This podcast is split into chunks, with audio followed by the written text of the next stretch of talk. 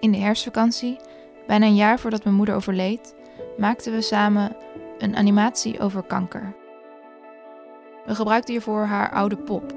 Dat was een pop die zo oud was dat het haar groen uitgeslagen was. We pakten een schaar en we knipten stukje bij beetje het haar van de pop af.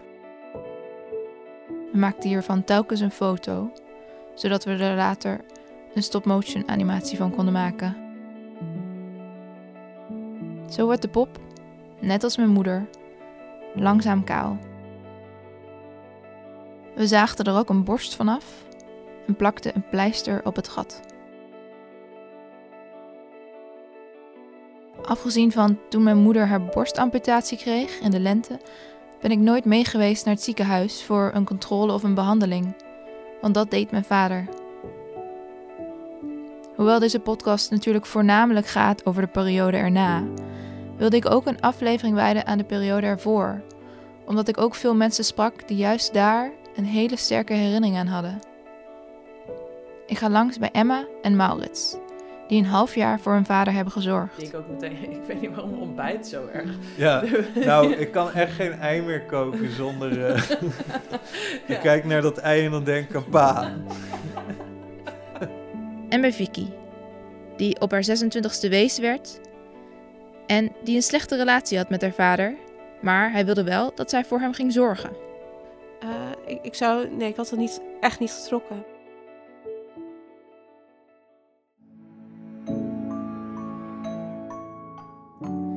Dit is de podcast Erna. Over hoe het is om je ouder te verliezen als je zelf nog jong bent.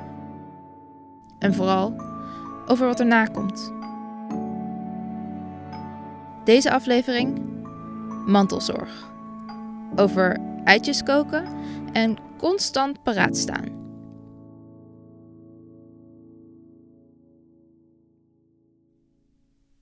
Toen ik bedacht dat ik deze podcast wilde gaan maken, zocht ik eerst via via naar mensen die ook een ouder hadden verloren. Maar ik vond er niet veel. Dus plaatste ik een oproep in de studentenkrant van Groningen. En toen kreeg ik superveel reacties. Bijvoorbeeld van Emma. Die schrijft dat ze haar vader verloor terwijl ze haar PhD deed. En dat ze daar heel zwaar mee heeft gehad. Mijn broertje gaat je ook mailen, schrijft ze. En even later krijg ik inderdaad een lange mail van Maurits. Waarin hij vertelt over de mantelzorg die ze samen hebben gedaan. En hoe zwaar, maar ook hoe mooi het eigenlijk was. Ze schrijven dat ze dat weekend toevallig allebei in Utrecht zijn. En ik besluit dat het een supergoed idee is om mezelf daar uit te nodigen voor avondeten. En aansluitend een interview. Wat maken we, jullie?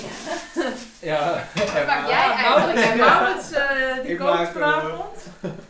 Risotto. Is helemaal, Maurits is helemaal gek van koken. Nee, Nee. zo wat dat ik nooit kook. Ik voel me meteen thuis bij Emma en Maurits. En het eten is heerlijk. Nou, goed appetit. Yes. appetit. Mag ik deze uit? Heb je al geproefd? Nee. Anderhalf jaar geleden overleed hun vader aan uitgezaaide longkanker. Maurits was 27 en Emma 29. Hun ouders waren gescheiden. Maurits, Emma, hun oudere zus en hun tante namen de zorg op zich. Maurits nog het meest. Ja, ik ben achteraf zo blij met die mantelzorgperiode. Ja. Eh, los van dat het niet onderschat mag worden als iemand zegt dat hij mantelzorger is, dan kun je ervan uitgaan dat hij een heck of a job aan het verrichten is. Hoe was dat dan voor jou op het moment dat jouw vader jou dat dan vroeg? Nou, het was best wel een officieel moment. Ik weet niet, Emma, of jij dat ook nog Nee, weet. ik, ik, be verba ik wist Nou, we zaten hier achter niet. in de, in de kamer en, en toen was hij net terug uit het ziekenhuis gekomen. En net het nieuws was er. En toen waren we echt heel erg strak plannen aan het maken. En toen vroeg hij dat aan mij. En voor mij was het eigenlijk, ja, tuurlijk. Want dit is wel, hij had geen, geen vrouw die bij hem in huis woonde, of een man, of weet ik wat, maar geen partner. Dus het moest echt van ons komen. En ik had een baan die, waar ik niet heel erg eh, onmisbaar was. Dus ik heb dat toen, ik kon dat eigenlijk per direct op een heel laag pitje zetten. En daarmee de luxe om hier vaak te kunnen zijn, bij hem. Dus ja, voor mij was dat geen twijfel ook. Ja, dat lijkt me wel ook wel heel bijzonder dat je vader dat ook aan jullie durft te vragen. Ja. Ja. Ja, want hij, hij, was, hij was niet iemand die dat eh, aan vreemden over zou laten. Maar het was sowieso zijn, zeg maar, toen. Toen bleek dat hij heel ziek was, toen eh, in december. Toen was het voor hem, eh, wat hij toen ook zei, was van... Nou, ik heb een goed leven gehad, het is goed geweest en... ehm, ja, het is gewoon oké. En hij dacht echt dat hij, dat hij een week later dood zou zijn op dat moment. Ja, hij was echt niet iemand die. Niemand vindt het leuk om ziek te zijn, maar hij vond het echt. Het was echt niks voor hem om ziek te zijn en dat je niet. eh, ja, dat Dat je, je afhankelijk bent Ja. van anderen. Maar ik bedenk, ik bedenk ook wel, het klinkt heel raar en een beetje hard, maar als iemand zo'n ziekte mentaal aan zou kunnen en zich bij zou kunnen neerleggen en zijn omgeving vertrouwen kon geven dat, dat, dat nou ja, geen zelfmedelijden hebben, dan was hij het. Hij was echt de meest geschikte kandidaat om een, ja, om een terminale ziekte te hebben. ja, En, en het, het verschrikkelijke mentale proces dat daarmee gepaard gaat. Het weten dat je doodgaat. En het, ik ken anderen die zouden alleen maar, denk ik, heel de dag alleen maar kunnen huilen. En die zouden het verschrikkelijk vinden dat ze dood zouden gaan. En dat ze alles zouden moeten missen en dit niet meer kunnen. En dat zouden ze dan ook heel vaak gaan vertellen. Maar hij was niet, eh, hij zat daar niet mee. En hoe was dat voor jullie als, eh, als gezin? Ja, op het begin verschrikkelijk. Hij kreeg in november, oktober begon hij rugpijn te krijgen. En eh, hij, hij vermagerde heel snel, hij viel af en hij at slecht en eigenlijk ging alles mis. En we waren altijd op de een of andere manier al een beetje bang, vooral mijn zussen, dat hij, dat hij eens ziek zou worden. Eh, en dat, ja, toen naar het ziekenhuis voor die tests en het, hing, ja, het was zo'n dreiging. ja. Eigenlijk die dagen voor de uitslag waren misschien nog erger dan de dag van de uitslag en de wetenschap dat, het, dat hij terminaal ziek was. Die dagen daarvoor die waren zo huiveringwekkend achteraf. Zo onzeker. ja. En ik, ja, ik weet ook nog dat ik op de fiets zat in die dagen tussen, tussen dat hij was opgenomen in het ziekenhuis en tussen de uitslag. En dat ik zo eh, afgestomd was, zo, zoveel spanning in mijn lichaam had. En ook dacht van, als, als iemand me nu, eh, de, de, weet ik veel, zeggen dat ik niet goed recht op mijn fiets zit of eh, naar me gaat schreeuwen, dan stap ik af en dan, dan, dan ram ik hem op zijn smoel. Ik was zo tensed heel die tijd. En toen was het eruit en dan kun je verdrietig zijn eindelijk. Of dan kun je boos zijn, maar dan heb je tenminste, dan weet je tenminste wat er aan de hand is. ja, het was echt het allerergste wat je je kan voorstellen. Ja, komt uit. Het komt uit. En ja, dat, dat is aan de ene, ja, dan heb je die duidelijkheid. Maar aan de andere kant is het ook, je hebt ook helemaal geen duidelijkheid. Want wat nu? Ja, wat nu? Want wat betekent het eigenlijk om mantelzorg te verlenen? Ja, het, begint een beetje bij hele normale dingen als ontbijt maken. En, en koffie brengen en hem naar boven sleuren en hem naar beneden brengen. Dat in eerste instantie. En die ellenlange avonden tv kijken. Dan zat je hier dus op de bank. Eh, een beetje ook te denken van ja, ben ik hiervoor uit Groningen gekomen. Maar ondertussen wel fijn om te weten, hij is wel gewoon boven Ja, die herinnering, dat doet me echt. Ja, dat- als je nu wist van je zit hier toch niks een beetje te wachten, maar hij is wel boven. ja, Ja, achteraf gezien was dat, waren dat misschien wel hele fijne momenten daar Ja. in je eentje, weten dat hij daar zijn ding aan het doen was. En ja, meer sanitaire wc helpen en, en, en wassen en zo, wat ook best wel snel normaal werd. Of dan zet je gelijk je professionele bril op. En eh, dus daar heb ik ook nooit zo moeite mee gehad. ik weet nog dat we juist een soort trots waren als hij dan naar de wc was. Ja, ja, ja. Dan zaten we half te juichen hier. ja. Eh, ja, en, maar het betekende ook dat je gelijk moest komen. Het betekende dat jij verantwoordelijk was voor zijn welzijn op veel momenten ook. Dus midden in de nacht, als hij roept, weet je wel, dan, dan moet jij iets gaan fixen. Je kan wel even iemand bellen om te vragen wat zou jij doen, maar jij moet het regelen.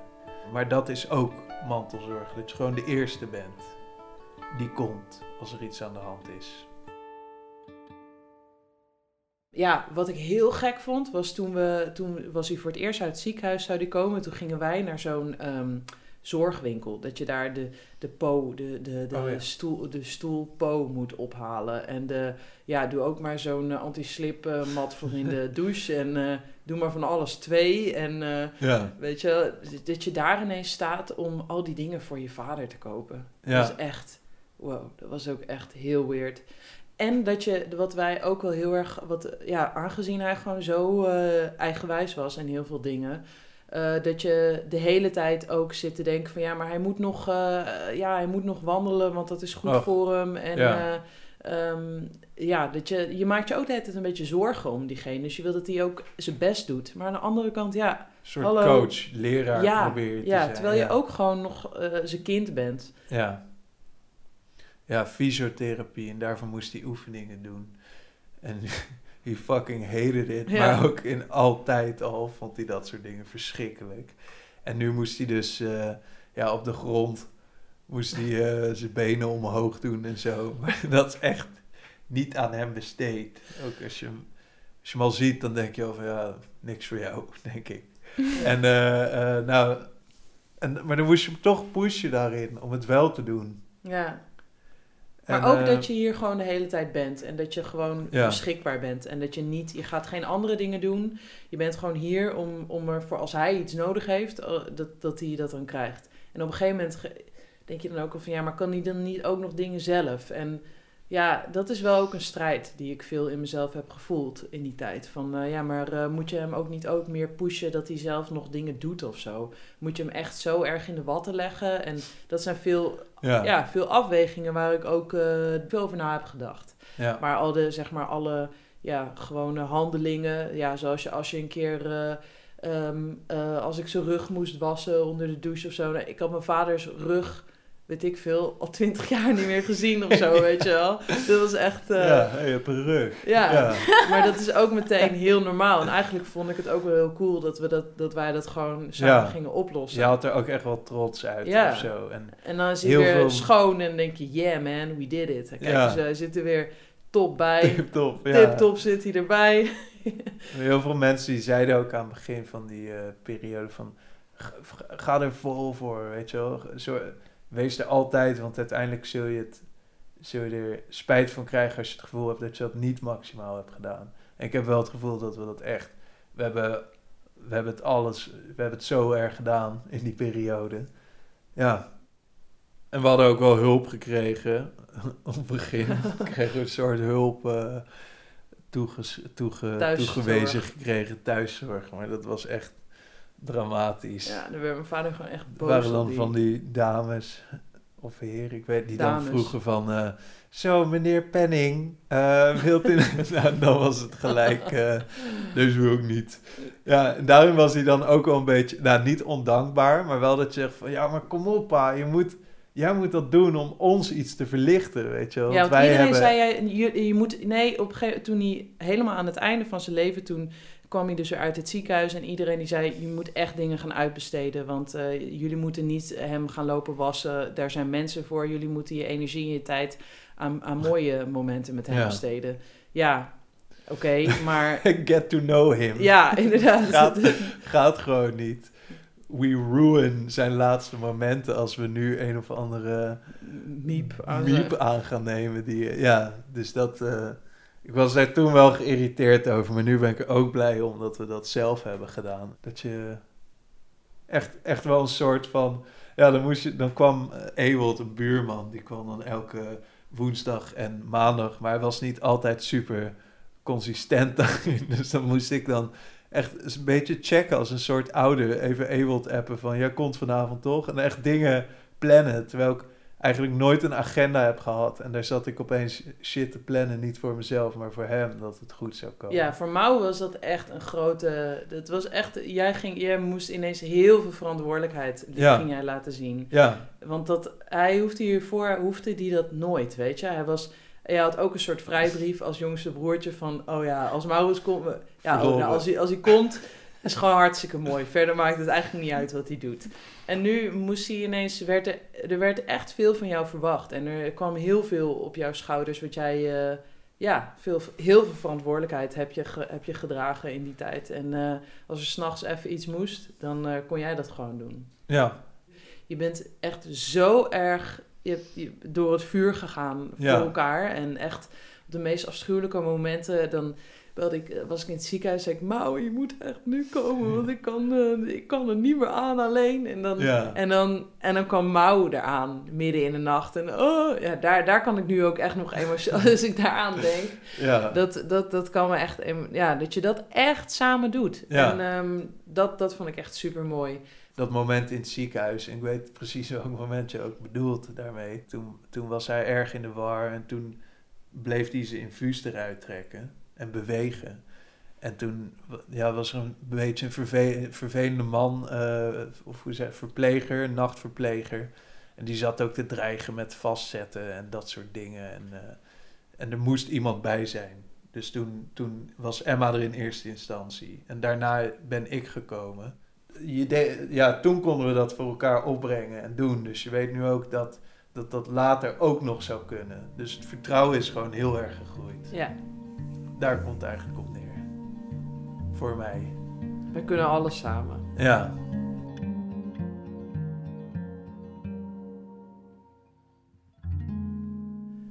Het is heel moeilijk om, om diegene, om je vader of je moeder nog steeds heel erg gewoon als je vader of je moeder te Ja. zien. Oh ja, goed. En dat je niet, dat het niet alleen maar de patiënt, maar tegelijkertijd als je mantelzorger bent, is dat ook gewoon je taak. Dus Ja. dat is heel, dat is heel moeilijk. En dan zullen er ook mensen zijn die hebben helemaal niet die zorgtaak. Die zijn gewoon alleen vriend of vriendin. En die hoeven, niet, eh, die Ja. hoeven dat niet te doen. En Maar dat moet- is super waardevol. Want die zijn gewoon. Daar, bij diegene is, is je vader of je moeder gewoon nog zichzelf. En niet ja. niks patiënt. Ja. Hoe is het nou als jullie dan terugkijken naar jullie vader? Zie je dan nog steeds een patiënt? Of, Goeie hoe, of kun je ook weer gewoon je vader zien? Steeds meer is hij gewoon pa. Ja, Echt eh, gewoon mijn. mijn eh, mijn, eh, mijn, mijn, mijn rots in de branding. ja, en dat is ja, het echt. dat is het echt hoor. Maar, maar het is, ik vind wel, eh, want eh, je wilt natuurlijk in je herinnering dat hij zo was als voor dat half jaar, dat hij ziek was. Maar die, dat half jaar heeft zoveel indruk op mij gemaakt. En ik heb hem in die tijd zoveel gezien. En we hebben zoveel meegemaakt dat die periode toch onlosmakelijk aan hem is verbonden. Dus als ik aan hem denk, dan denk ik ook heel veel aan de goede momenten in, in dat half jaar. Want hij was ook extreem zichzelf, juist in dat half jaar. Ja. ik zie hem ook nog wel eens met die, ja, als ik aan hem denk, zie ik hem ook wel eens strompelen door het bos met die rollator. En, en, maar dat geeft me ook een heel goed gevoel. Maar het liefst gewoon met die volle bosharen en een baard en net iets te dik. ja. En gewoon gezond. ja. Maar, Maar, ik, maar het is, on- ja, ik vind juist ook een ding om dit, dat laatste half jaar echt niet weg te stoppen. Om dat heel erg toe te laten. Dat daar zoveel kracht zit om eraan, daaraan te durven blijven denken.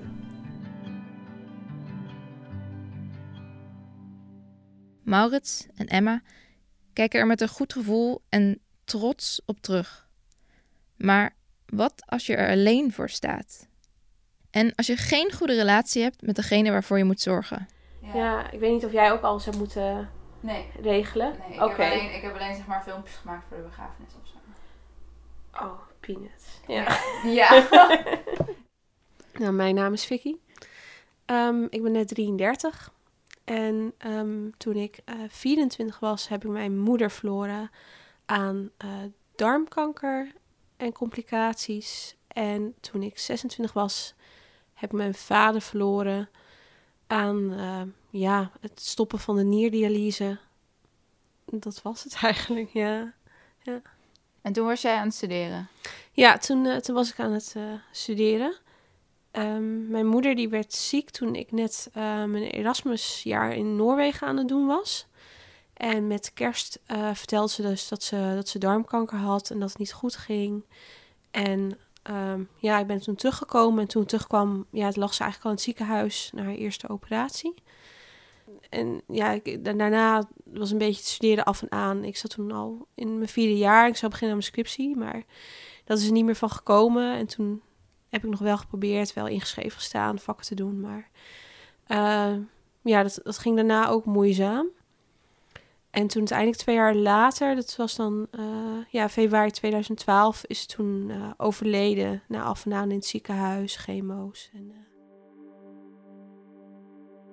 Ze was toen net naar een ander hospice gebracht bij, bij Dokkum. En ze, ze dacht dat ze drie weken zou blijven, maar de tweede dag was ze al overleden. Mijn vader was net naar huis gegaan, zeg maar. En ik zou daar die nacht nog blijven, blijven slapen. Nou, ik zat een beetje zondagavond een beetje op de bank. En er was net het nieuws geweest dat er uh, definitief geen Elfstedentocht was. Want het was echt een hele koude winter. Dus het zat er echt bijna aan te komen. Dus daar hield de wereld zich mee bezig. En uh, nou, dat ik ga toch mijn moeder kijken weer even hoe het met gaat. Het was rond tien uur of zo. En toen hoorde ik al heel zwaar ademen. En toen heb ik al verpleging erbij gehaald. En zei ze nou, het duurt niet lang meer. En ben ik gewoon bij haar gebleven. En hand vastgehouden. En toen, ja... Uh, mijn vader ingelicht ook en die is toen gelijk gekomen. En, uh, nou ja, toen nou, was het dus voorbij. Mijn vader ging in die tijd ook af en toe niet, niet goed, zeg maar. Die begon net uh, met dialyse ook. En die was ook vaak in het ziekenhuis. En um, ik had ook op een gegeven moment heb ik een bestuursjaar gedaan met studentenvereniging.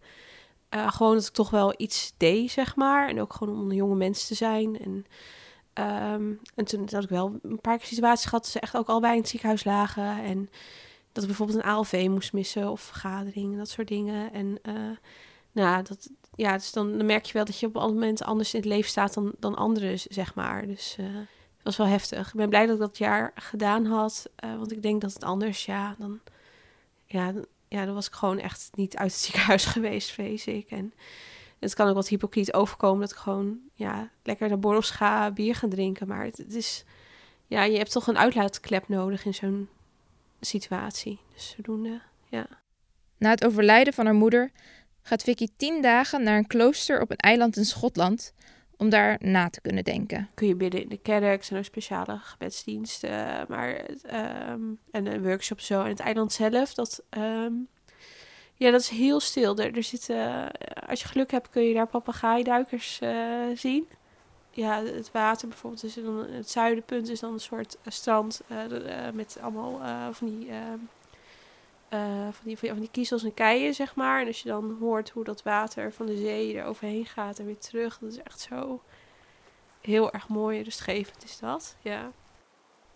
Haar vader kreeg op dat moment een heupoperatie terwijl ze hem dat hadden afgeraden.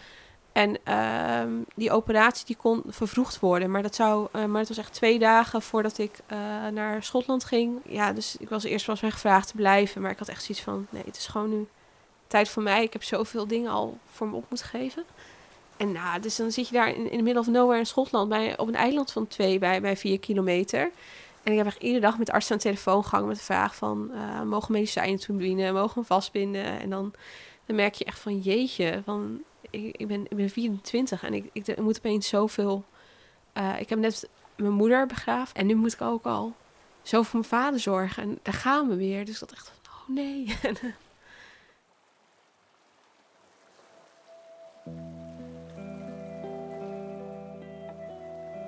nou, ik, vond het gewoon vooral heel oneerlijk. Je, je hebt er zoiets heftigs meegemaakt en je staat alleen. En dat is eigenlijk een tijd die dan, zeg maar, de band tussen mijn vader en mij was niet goed. Dus het voelde meer als een soort last die, uh, die erbij kwam.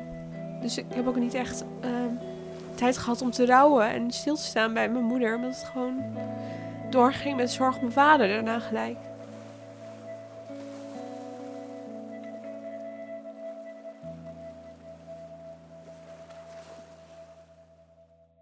Met haar moeder had Vicky een goede band maar met haar vader niet.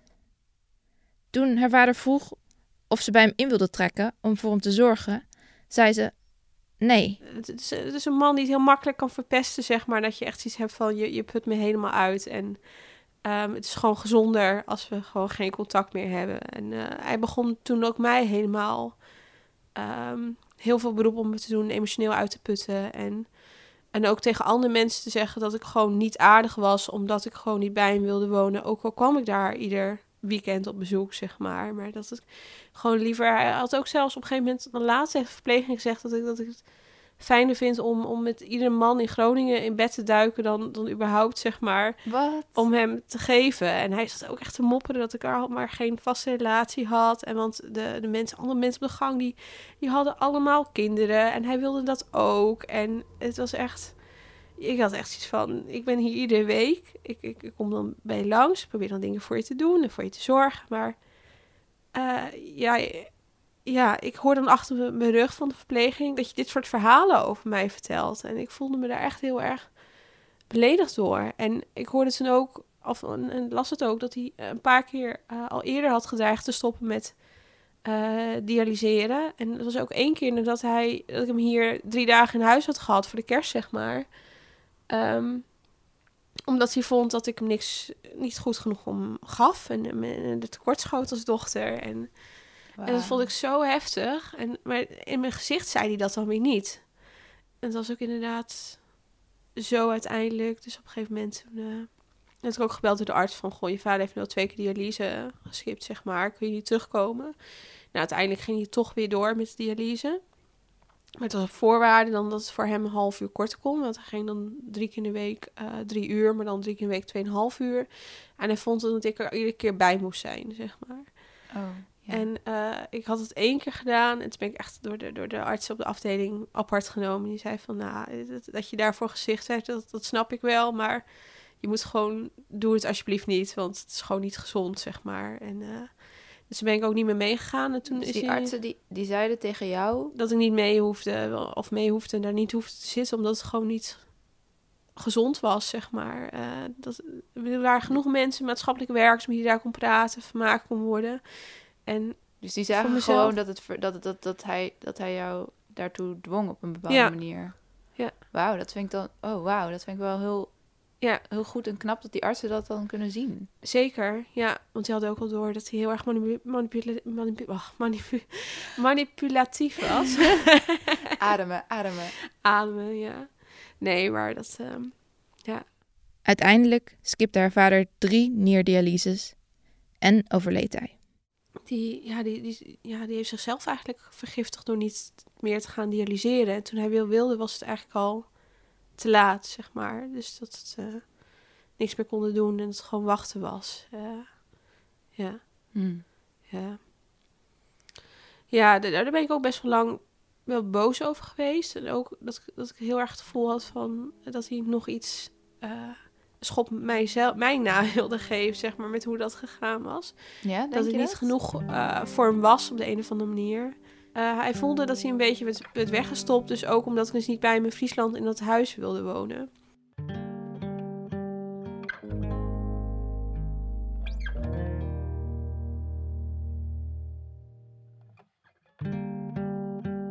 Terug in Utrecht bij Emma en Maurits ronden we het gesprek net af. Dank jullie wel. Yes. Alsjeblieft. Ja, jou ook bedankt dat we hierover Ja. konden... Ja, ik wou we nog keken van er allebei tevoren... echt naar uit. om Ja, en ik, wilde, ik had doen. nog van tevoren zeggen, eh, willen zeggen van als we te veel ratelen, Ja. steken, steken maar een spel tussen. Want echt, ja, wij, zoals je merkt, wij kunnen er echt We love it. Ja. eindeloos over praten gewoon. Dat, eh, ja, Het is, het, was, eh, het is altijd fijn om over die tijd te kunnen praten. ja, Ik vond het alleen een beetje erg dat, ik niet, dat we niet naar jou konden vragen. ja. Af en toe wou ik aan jou vragen van, hoe heb jij dat dan gehad? Of Ja, je mag hem best dat vragen, maar ik bedoel, dan ga ik uiteindelijk waarschijnlijk... Ik denk dan, het gaat nu even om, om jullie verhaal. Ja, is ook zo. en maar- ik was geen ja. mantelzorger, weet je wel. Dus dat is dat... Ik heb gewoon veel gevoelens, die deel ik misschien wel. Ja. Maar eh, die praktische dingen... ja, daar was je, maar- Bij ons, Die zijn ook minder bij ons in huis waren, nou ja, mijn, mijn, mijn moeders eh echt ziektebed uiteindelijk. Want mijn moeder was dan een jaar soort van ziek en toen was ze genezen. En toen was ze weer ziek en toen was ze binnen een maand dood. En die laatste maand, dat was dan ook gewoon, iedereen was daar ook al. Dus haar vriendinnen, die waren ook heel vaak daar. En weet je wel, dus ik kon ook eigenlijk niks doen. Het enige wat ik kon doen was de hond uitlaten. Ja. Het huis was al schoon. Ik wilde al die dingen best doen. Ik wilde dat heel graag doen. Ik was ook teruggekomen van mijn studie, omdat ik gewoon... Ik wilde iets doen en ik kon niet meer studeren, want ik kon me niet meer op concentreren. Maar Ja. ik kon alleen maar de hond uitlaten. Maar vond je dat niet ook jammer dat je daar dus... ja, de- de- veel achteraf. ja, misschien. dat, je, dat jij daar niet meer ook een, een rol... eh, had je niet het gevoel dat jouw plek werd ingenomen? Ja, maar iedereen wilde ook meedoen. Ja, dat, nou, dat, dat herken ik ook wel heel erg. Ja. Ja. En het waren gewoon ook, weet je wel, dat, het wa- het waren niet alsof al haar vriendinnen daar waren, want ze had zoveel vriendinnen. Het waren er gewoon vier. En dat waren haar closeste vriendinnen. Ja, En weet je wel, dat was ook gewoon duidelijk. ja. Ja, dat, dit, maar dit brengt wel herinneringen boven, inderdaad. Van dat je soms ook wel een, het conflict kon hebben van... Ja, Ja. Wie, mag, wie, mag het, eh, wie mag dit nu doen? Ja. Ja, En dan waren er leukere dingen en minder leuke dingen. Ja. Mensen wouden leuke dingen. Ja, op Ja. stap met hem. is leuk. ja. ja, je weet natuurlijk gewoon nooit hoe lang iemand nog leeft. Maar het was al gewoon elk weekend, weet je dan kon ze nog met mensen op stap. En dan ging ze nog een weekend met haar vriendinnen op stap. Met, weet ik veel, ja, gewoon wel in een rolstoel of zo. Maar ik was dan zo jaloers. Mhm. Maar ja, ik wil dan ook niet overal bij mee. Mhm. Want het is ook, het is ook ze heeft ook haar eigen leven.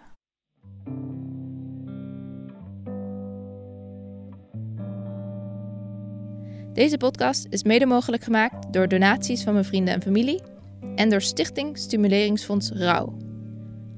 Als je wil reageren, dan mag dat. Stuur dan een mailtje naar podcasterna.gmail.com of stuur me een DM op de Instagram van Erna. En voor de vindbaarheid van de podcast helpt het als je hem beoordeelt op je podcast-app. Deze aflevering is gemaakt door mij, Wijke van Koolwijk, met advies van Stef Visjager. Muziek is van Krieke Leemte.